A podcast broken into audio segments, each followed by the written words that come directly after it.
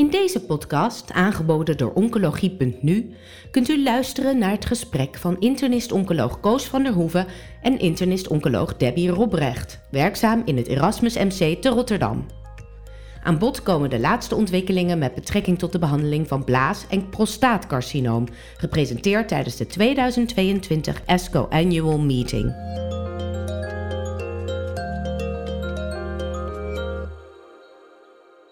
ASCO 2022, blaascarcinoom en prostaatcarcinoom. Daarover ga ik praten met dokter Debbie Robrecht. Zij is internist-oncoloog in het Erasmus MC.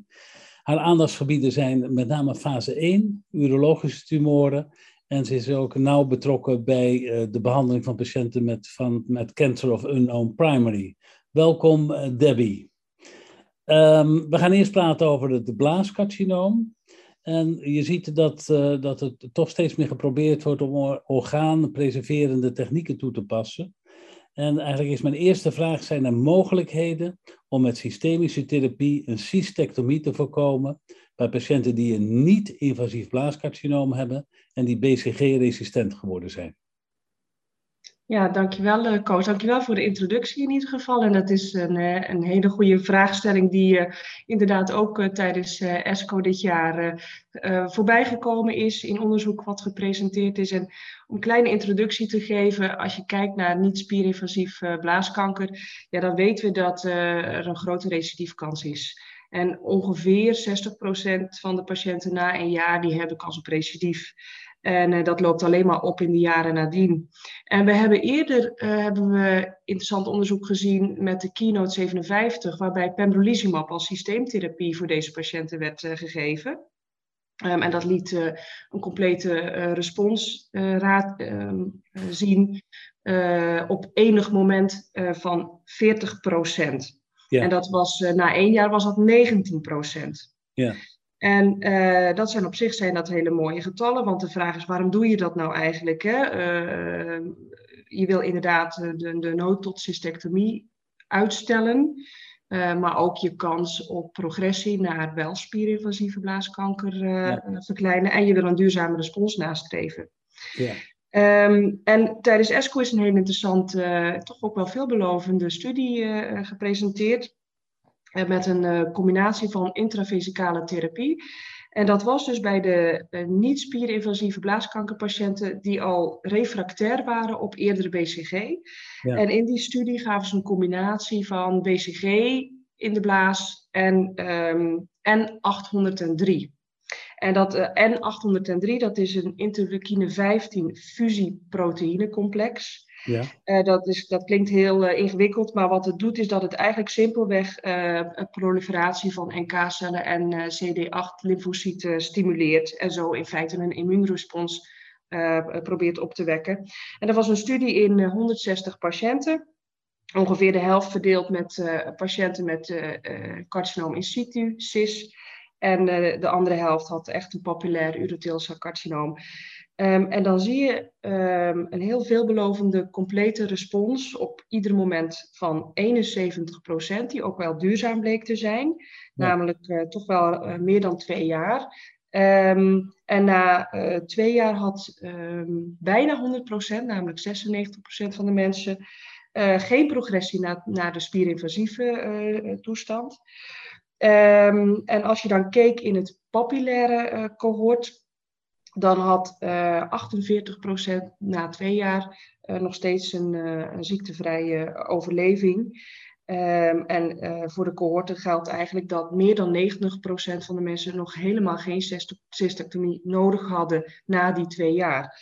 Nou ja, dat zijn eigenlijk hele mooie getallen. Zeker in feite ook als je ze vergelijkt met die keynote 57, waarbij deze getallen ja, gunstig lijken te zijn. Ja, precies. En daarnaast is het belangrijk, dus het is dus intravesicaal, het is goed te verdragen en het geeft geen systemische bijwerkingen, althans uh, niet de systemische bijwerkingen zoals we dat van uh, bijvoorbeeld uh, systemische immuuntherapie kennen. Ja. Dus ja, mooie resultaten moet ik zeggen. Ja. Is dat al iets wat, wat ook in Nederland wordt toegepast? Of is dat echt nog in studieverband en nog niet rijp genoeg om. Uh, dus dat is iets waar we nog even op moeten wachten. Maar dat is voor de patiënten misschien toch een mooi vooruitzicht. Exact, het is het, is het laatste, um, maar het, het biedt perspectief. Ja. Dan ga ik even voort met het, eh, de neoadjuvante behandeling die we al eerder kennen bij het blaascarcinoom. Dat kennen we met cisplatin of met carboplatin bevattende chemotherapie. En daar wordt de laatste tijd op verschillende manieren uh, immunotherapie aan toegevoegd. Er was een studie met over de toevoeging van avelumab bij de neoadjuvante chemotherapie. Wat kan je daarvan vertellen? Um, wat we hebben gezien zijn eigenlijk in deze setting een tweetal studies die uh, gepresenteerd zijn in dus de neoadjuvante setting. En de eerste studie, dat is de Aura-studie, dat is een fase 2-studie. En daarbij werd in twee cohorten um, uh, inderdaad de um, avelumab um, met chemotherapie gecombineerd onderzocht. Nou, en in de, tijdens de ESCO werd overigens werden de data gepresenteerd van een van die twee cohorten, namelijk het cohort van cisplatin unfit patiënten. Ja. Nou, en hoe werden die patiënten nou behandeld? Die werden behandeld met uh, de combinatie van gemcitabine en nab-paclitaxel met avelumab of avelumab monotherapie. Ja. Het was heel opvallend dat vervolgens de resultaten lieten zien dat de monotherapie avelumab beter betere resultaten liet zien dan de combinatie met dus de uh, gempacli. Um, dus uh, betere uh, responsrates. Zo zagen we bijvoorbeeld dat er een pathologische complete respons was in die combinatiearm van 18%. En dat was bij de monotherapiearm was dat 36%. Ja. Dat is opvallend in ieder geval kan je zeggen van kijk, die 36% die ligt wel in lijn met wat we bij andere middelen hebben gezien.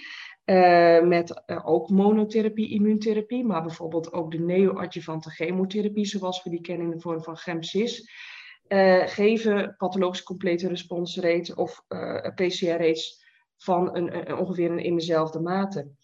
Um, ja, je kan je natuurlijk dan wel afvragen waarom is het dan slechter in die combinatie, uh, in dat combinatiecohort. en dat, dat kan ik niet helemaal goed uh, verklaren.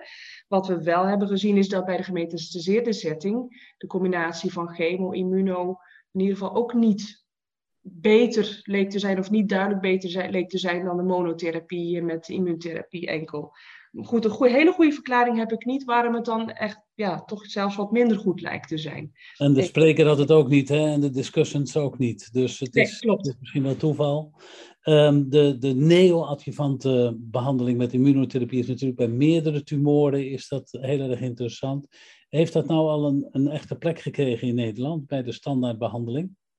Het is nog steeds in studieverband. Hè. Er, er, worden wel ontzettend veel studies gedaan.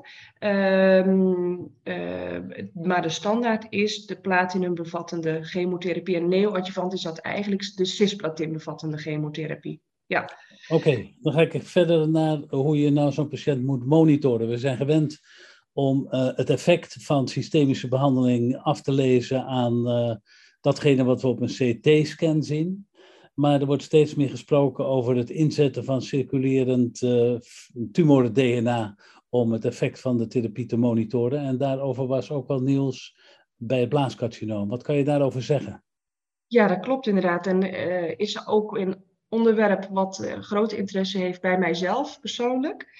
Um, en als ik dan heel eventjes kijk, wat is nou die inzet van die ctDNA? Want dat is op zich wel, natuurlijk lijkt een hele interessante biomarker, wordt ook volop onderzoek naar gedaan binnen urotheelcel, maar ook binnen andere vormen van kanker. Je komt eigenlijk geen studie meer tegen waarbij het niet meer gebruikt wordt ja. als uh, potentiële biomarker.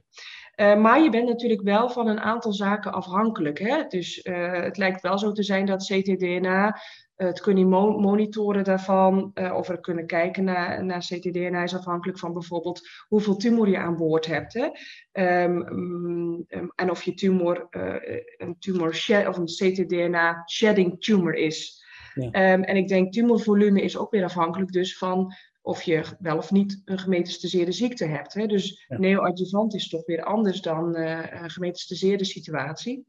Um, en daarnaast je techniek. Je techniek moet gevoelig genoeg zijn om je ctDNA te kunnen vinden of hetgeen te kunnen uh, meten waar je, waar je naar wil kijken binnen in je ctDNA. Dus je vraagstelling is ook van belang.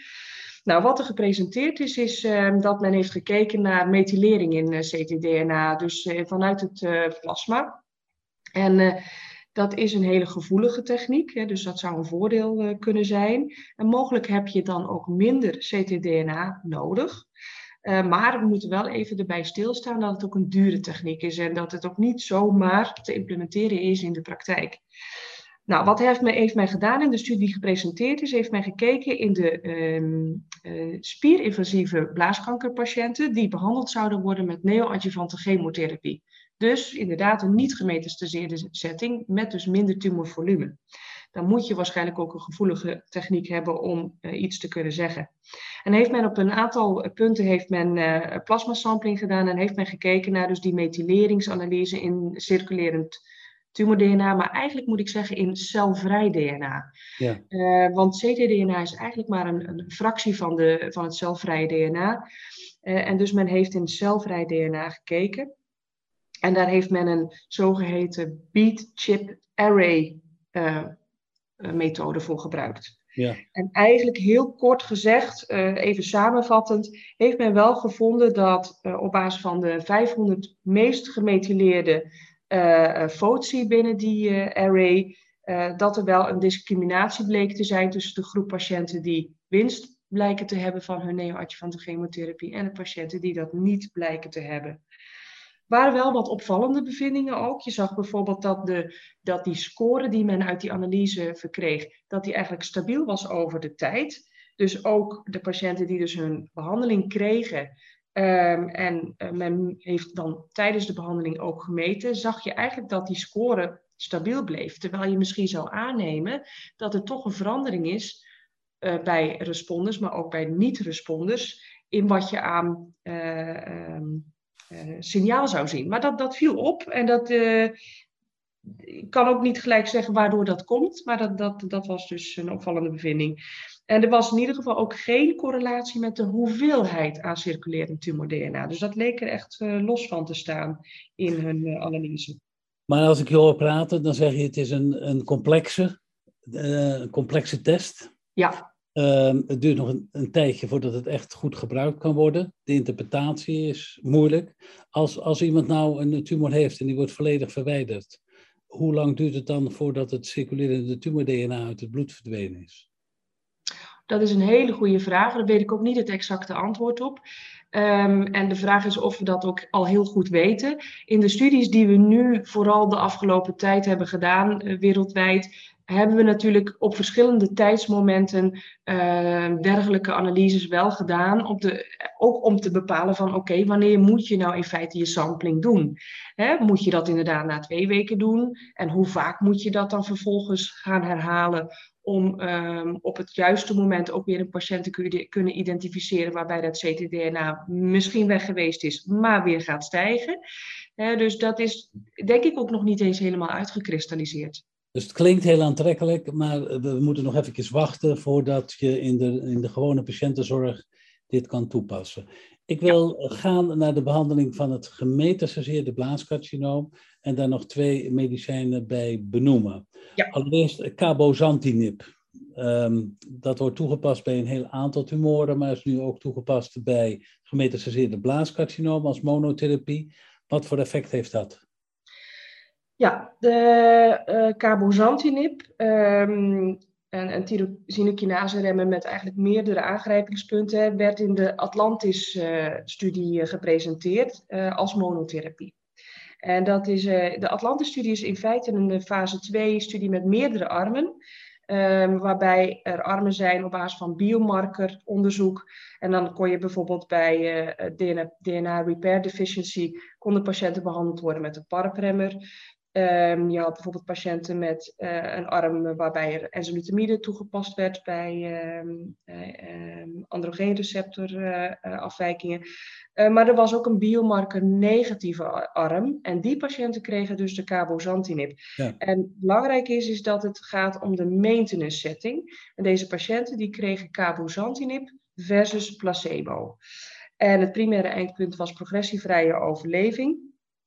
En um, de target hazard ratio werd van tevoren gesteld op 0,67.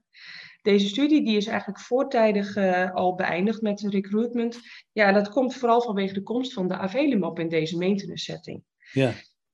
Uh, uiteindelijk wel 61 patiënten in de studie. En wat werd er nou voorzien? Een, een mediane progressievrije overleving in de arm met cabozantinib van 13,7 weken. En in de placebo-arm van 15,8 weken. Ja. En een mediane overall survival in die cabozantinib van 75 weken. En in de placebo-arm van bijna 83 weken. Dus het is in feite zo dat nou, het is min of meer vergelijkbaar hè, als je kijkt naar de hazards ratio. Uh, Maar qua absolute getallen is het zo dat die cabozantinib-arm in feite hè, wat slechtere getallen liet zien. Um, concluderend, in feite in deze setting, monotherapie cabozantinib ja, lijkt geen plaats te hebben. Je kan nog wel zeggen, dit waren dus de biomarker um, negatieve patiënten. Misschien is het wel een groepje patiënten die wel winst heeft van dergelijke middelen, maar zou je ze moeten identificeren aan de hand van wel biomarkers. En dat werd ook wel gesuggereerd door degene die het uh, presenteerde.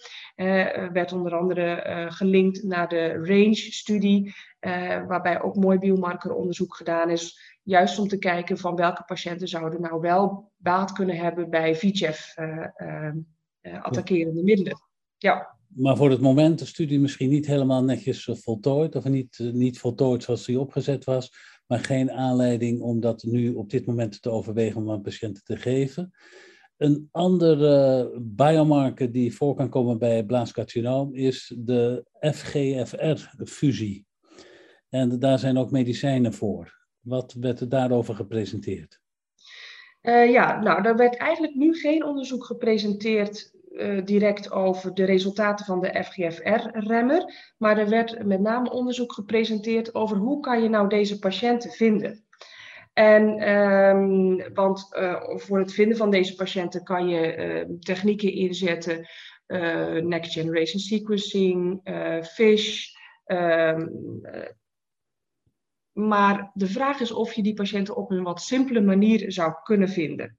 En wat ze hebben gedaan is dat ze hebben gekeken of dat aan de hand van HE-koepers uh, uh, mogelijk was. Um, en dan ga ik heel eventjes naar mijn informatie daarover.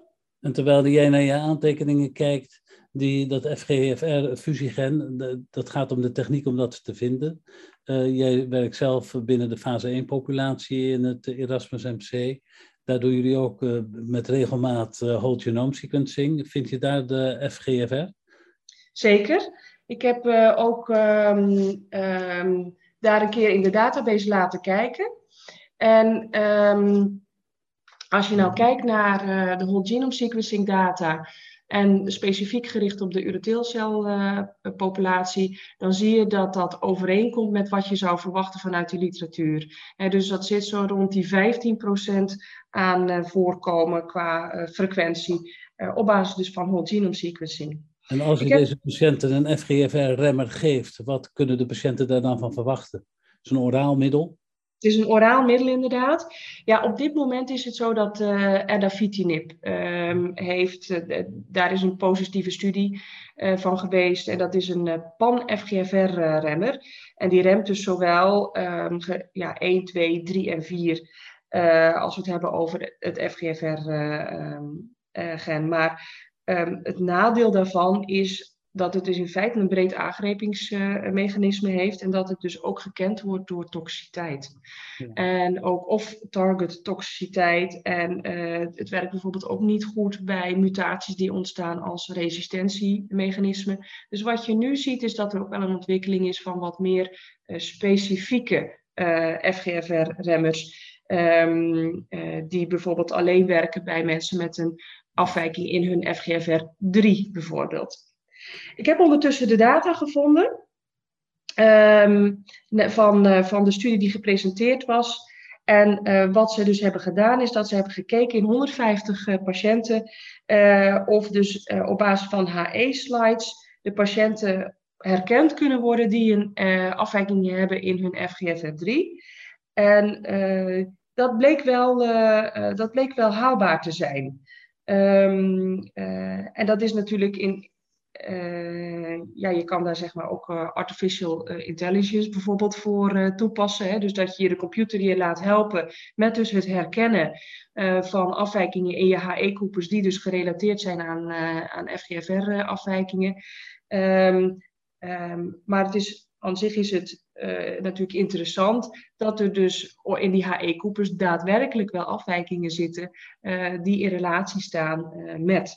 Um, dus ik vond het eigenlijk vooral een, ja, een interessante studie om te zien dat het, dat het kan. En dat, dat, het, dat het mogelijk nog in ontwikkeling is, dat is denk ik duidelijk.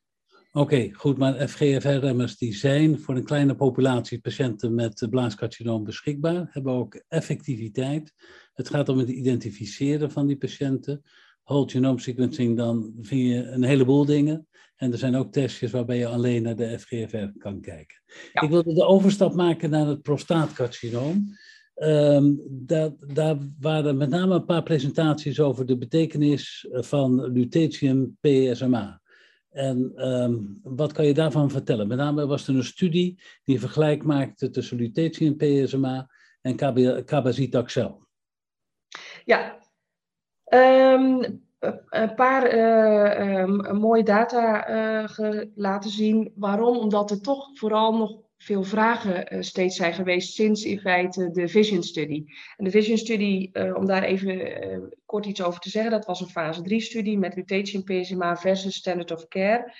Uh, maar die standard of care mocht geen chemotherapie zijn. En het wil dus zeggen dat veel patiënten in die studie hadden nog geen cabaastaxel gehad. Ja. En na de lutetium kreeg ook een groot deel van die patiënten ook geen cabaastaxel meer. En wij hadden dus als klinicus eigenlijk steeds de vraag, oké, wat moet nou de volgorde van behandelopties zijn? Moet je nou wel of niet al eerst twee taxanen gehad hebben? Wat is nou eigenlijk het vergelijk met cabaastaxel? Want als je kijkt naar de overlevingsgetallen met die uh, lutetion PSMA en de Vision, dan waren die eigenlijk wel vergelijkbaar met cabaastaxel zoals we dat in de derde lijn kennen. Nou, de studie die daarop ingegaan is, is de, uh, de, therapie-studie. Um, en die hadden een vergelijkende arm, namelijk, um, of een, een actieve controlearm, namelijk cabazitaxel. En dat dan dus in vergelijk met um, lutetium PSMA. Um, en wat je dan ziet is dat die uh, overleving uh, elkaar eigenlijk niet ontloopt. Dus in de lutetiumarm was dat 19,1 uh, maanden mediaan en in de cabazitaxel was dat 19,6 maanden. Dus in feite een vergelijkbare overleving. Wat dan opvalt is dat die overleving rond de 19, 20 maanden zit. En dat is wat hoger dan je verwacht in de derde lijn. Maar dat is denk ik omdat er dus uh, uh, na beide behandelarmen is er ook uh, ja, crossover geweest. Hè? Dus er zijn ook patiënten die na de cabasi alsnog lutetium kregen. En er zijn patiënten die na de lutetium alsnog cabazitaxel kregen. En ik denk wel dat de overall survival getallen daardoor beïnvloed zijn. Als nou, deel als je het heel grof zegt, dan, dan zeg je eigenlijk dat uh, wanneer patiënten één lijn chemotherapie hebben gehad, dat lutetium PSMA dezelfde resultaten liet zien als cabazitaxel. In die Vision-studie is ook een klein beetje gekeken welke categorie patiënten er nou het meest baat kan hebben van de lutetium PSMA. Kun je daar nog iets over zeggen? Ja, uh, wat die Vision-studie met die subgroepanalyse die nu gepresenteerd wordt, uh, werd tijdens ESCO vooral liet zien, was hoe doen patiënten het nou na één of na twee eerdere taxanen? En je ziet eigenlijk dat de patiënten na eerdere, uh, twee eerdere taxanen nog steeds winst hebben van hun PSMA. En ik denk dat dat een belangrijk gegeven is. Op dit moment is het namelijk zo, in Nederland is met de zorgverzekeraars afgestemd wat de plaatsbepaling is van lutetium PSMA. We hebben toch met elkaar afgesproken dat dat na in ieder geval één keer een, uh, ARSI is, uh, androgen receptor signaling inhibitor, en na twee taxanen. En in feite, die subgroepanalyse van de Vision, die ondersteunt dat ook, dat je dat op die manier zo zou kunnen doen. Um, ja, en verder zie je dat uh, patiënten met uh, uh, PSMA-negatieve ziekte, ja, die, die, die doen het slechter. Maar ik denk dat dat ook een prognostisch kenmerk is. Ja. Um, dus vooral de informatie over, in feite, de sequencing, het, eh, de, de volgorde van behandelingen die je hieruit kan herleiden, die is, uh, die is belangrijk. Je gaf netjes aan wat er met de zorgverzekeraars is afgesproken. Is het zo dat in Nederland nu al die patiënten die onder die groep vallen ook die, dat lutetie en PSMA kunnen krijgen? Of zijn er nog steeds restricties in? Um, nou, de belangrijkste restrictie is dat je ziekte uh, voldoende PSMA-aviditeit moet hebben. Ja. Dus de, patiënt moet wel een uh, PSMA-scan uh, krijgen en ook een goede CT-scan om te kunnen inschatten inderdaad of de ziekte geschikt is. En daarnaast is er ook wel um, centralisatie en wordt het niet overal gegeven, deze behandeling. Ja, maar als patiënt aan die criteria voldoen, bestaan er mogelijkheden in Nederland om de medicatie te geven? Klopt. Dan ga ik nog even terug naar uh, hormonale therapie bij het prostaatcarcinoom. Er was een, een, update van een heel lang lopende studie, de ENZAMET-studie, die gaat over de toepassing van enzalutamide. En er waren nu resultaten van de lang, lange follow-up. Waren daar nog nieuwe bevindingen bij? Um, niet hele nieuwe bevindingen, nee. Uh, de ENZAMET was uh, een studie waarbij dus ehm, enzalutamide in de um, hormonaal gevoelige gemetastaseerde setting werd toegepast. En in die setting kennen we ook de toepassing van dostaxel, van abiraterone, van apalutamide. Um, en het is niet gek dat ook enzalutamide daarin zijn meerwaarde laat zien. Um, dat werd eigenlijk alleen maar uh, bevestigd. Wat je vooral ook uit die ENZAMET-studie kan halen, is dat een groot deel in deze studie, namelijk 45% van de patiënten, kreeg ook dostaxel. Dus die hadden in feite een trippeltherapie, deprivatie, dostaxel en enzalutamide. En de getallen die, eh, die dan uh, gepresenteerd werden, die laten zien dat je toch van die combinatie in feite niet veel mag verwachten. Uh, dus de combinatie van dostaxel met enzalutamide. En dat is wel anders dan um, dostaxel met apalutamide als je het vergelijkt met de ARASEN-studie die eerder dit jaar uh, gepubliceerd is. Um, um, sorry, met daralutamide was dat. Ja. ik moet het goed zeggen.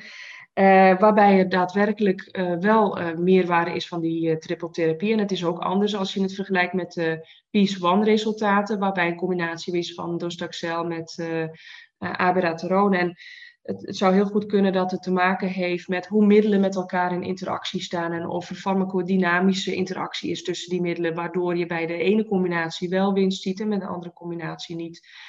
dus dat, dat eh, toonde die ENZAMET-studie, wisten we eigenlijk al, dus was niet heel erg vernieuwend. En een belangrijkste conclusie dat er nog eens een keer wordt aangetoond dat in de hormoonsensitieve setting naast androgeendeprivatie ook een ander middel zinvol is om uh, toch een uh, aanmerkelijke winst in progressievrije overleving te verkrijgen. Dat klopt, ja. Nou, uh, Debbie, je hebt uh, denk ik alles gezien en gehoord op de ASCO. Zijn er nog belangrijke dingen die niet ter sprake zijn geweest?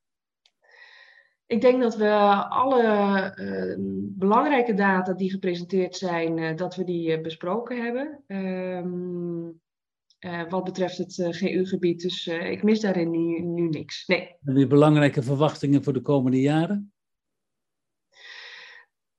Nou, um, wat we steeds zien is dat er meer intensieve behandelingen komen. Er komen combinaties van behandelingen. Uh, patiënten worden steeds langer behandeld. Um, ik hoop dat er data komen welke patiënten we nou met welke therapie uh, moeten behandelen. Dus dat je eigenlijk betere selectie krijgt van je behandeling. Maar dat we ook wat meer studies krijgen die toch ook doelmatigheid um, bekijken. En, en, en niet meer het doorgaan met uh, bijvoorbeeld onderhoudsbehandelingen uh, tot aan progressie. maar dat we ook kijken of korter even goed is of misschien zelfs beter.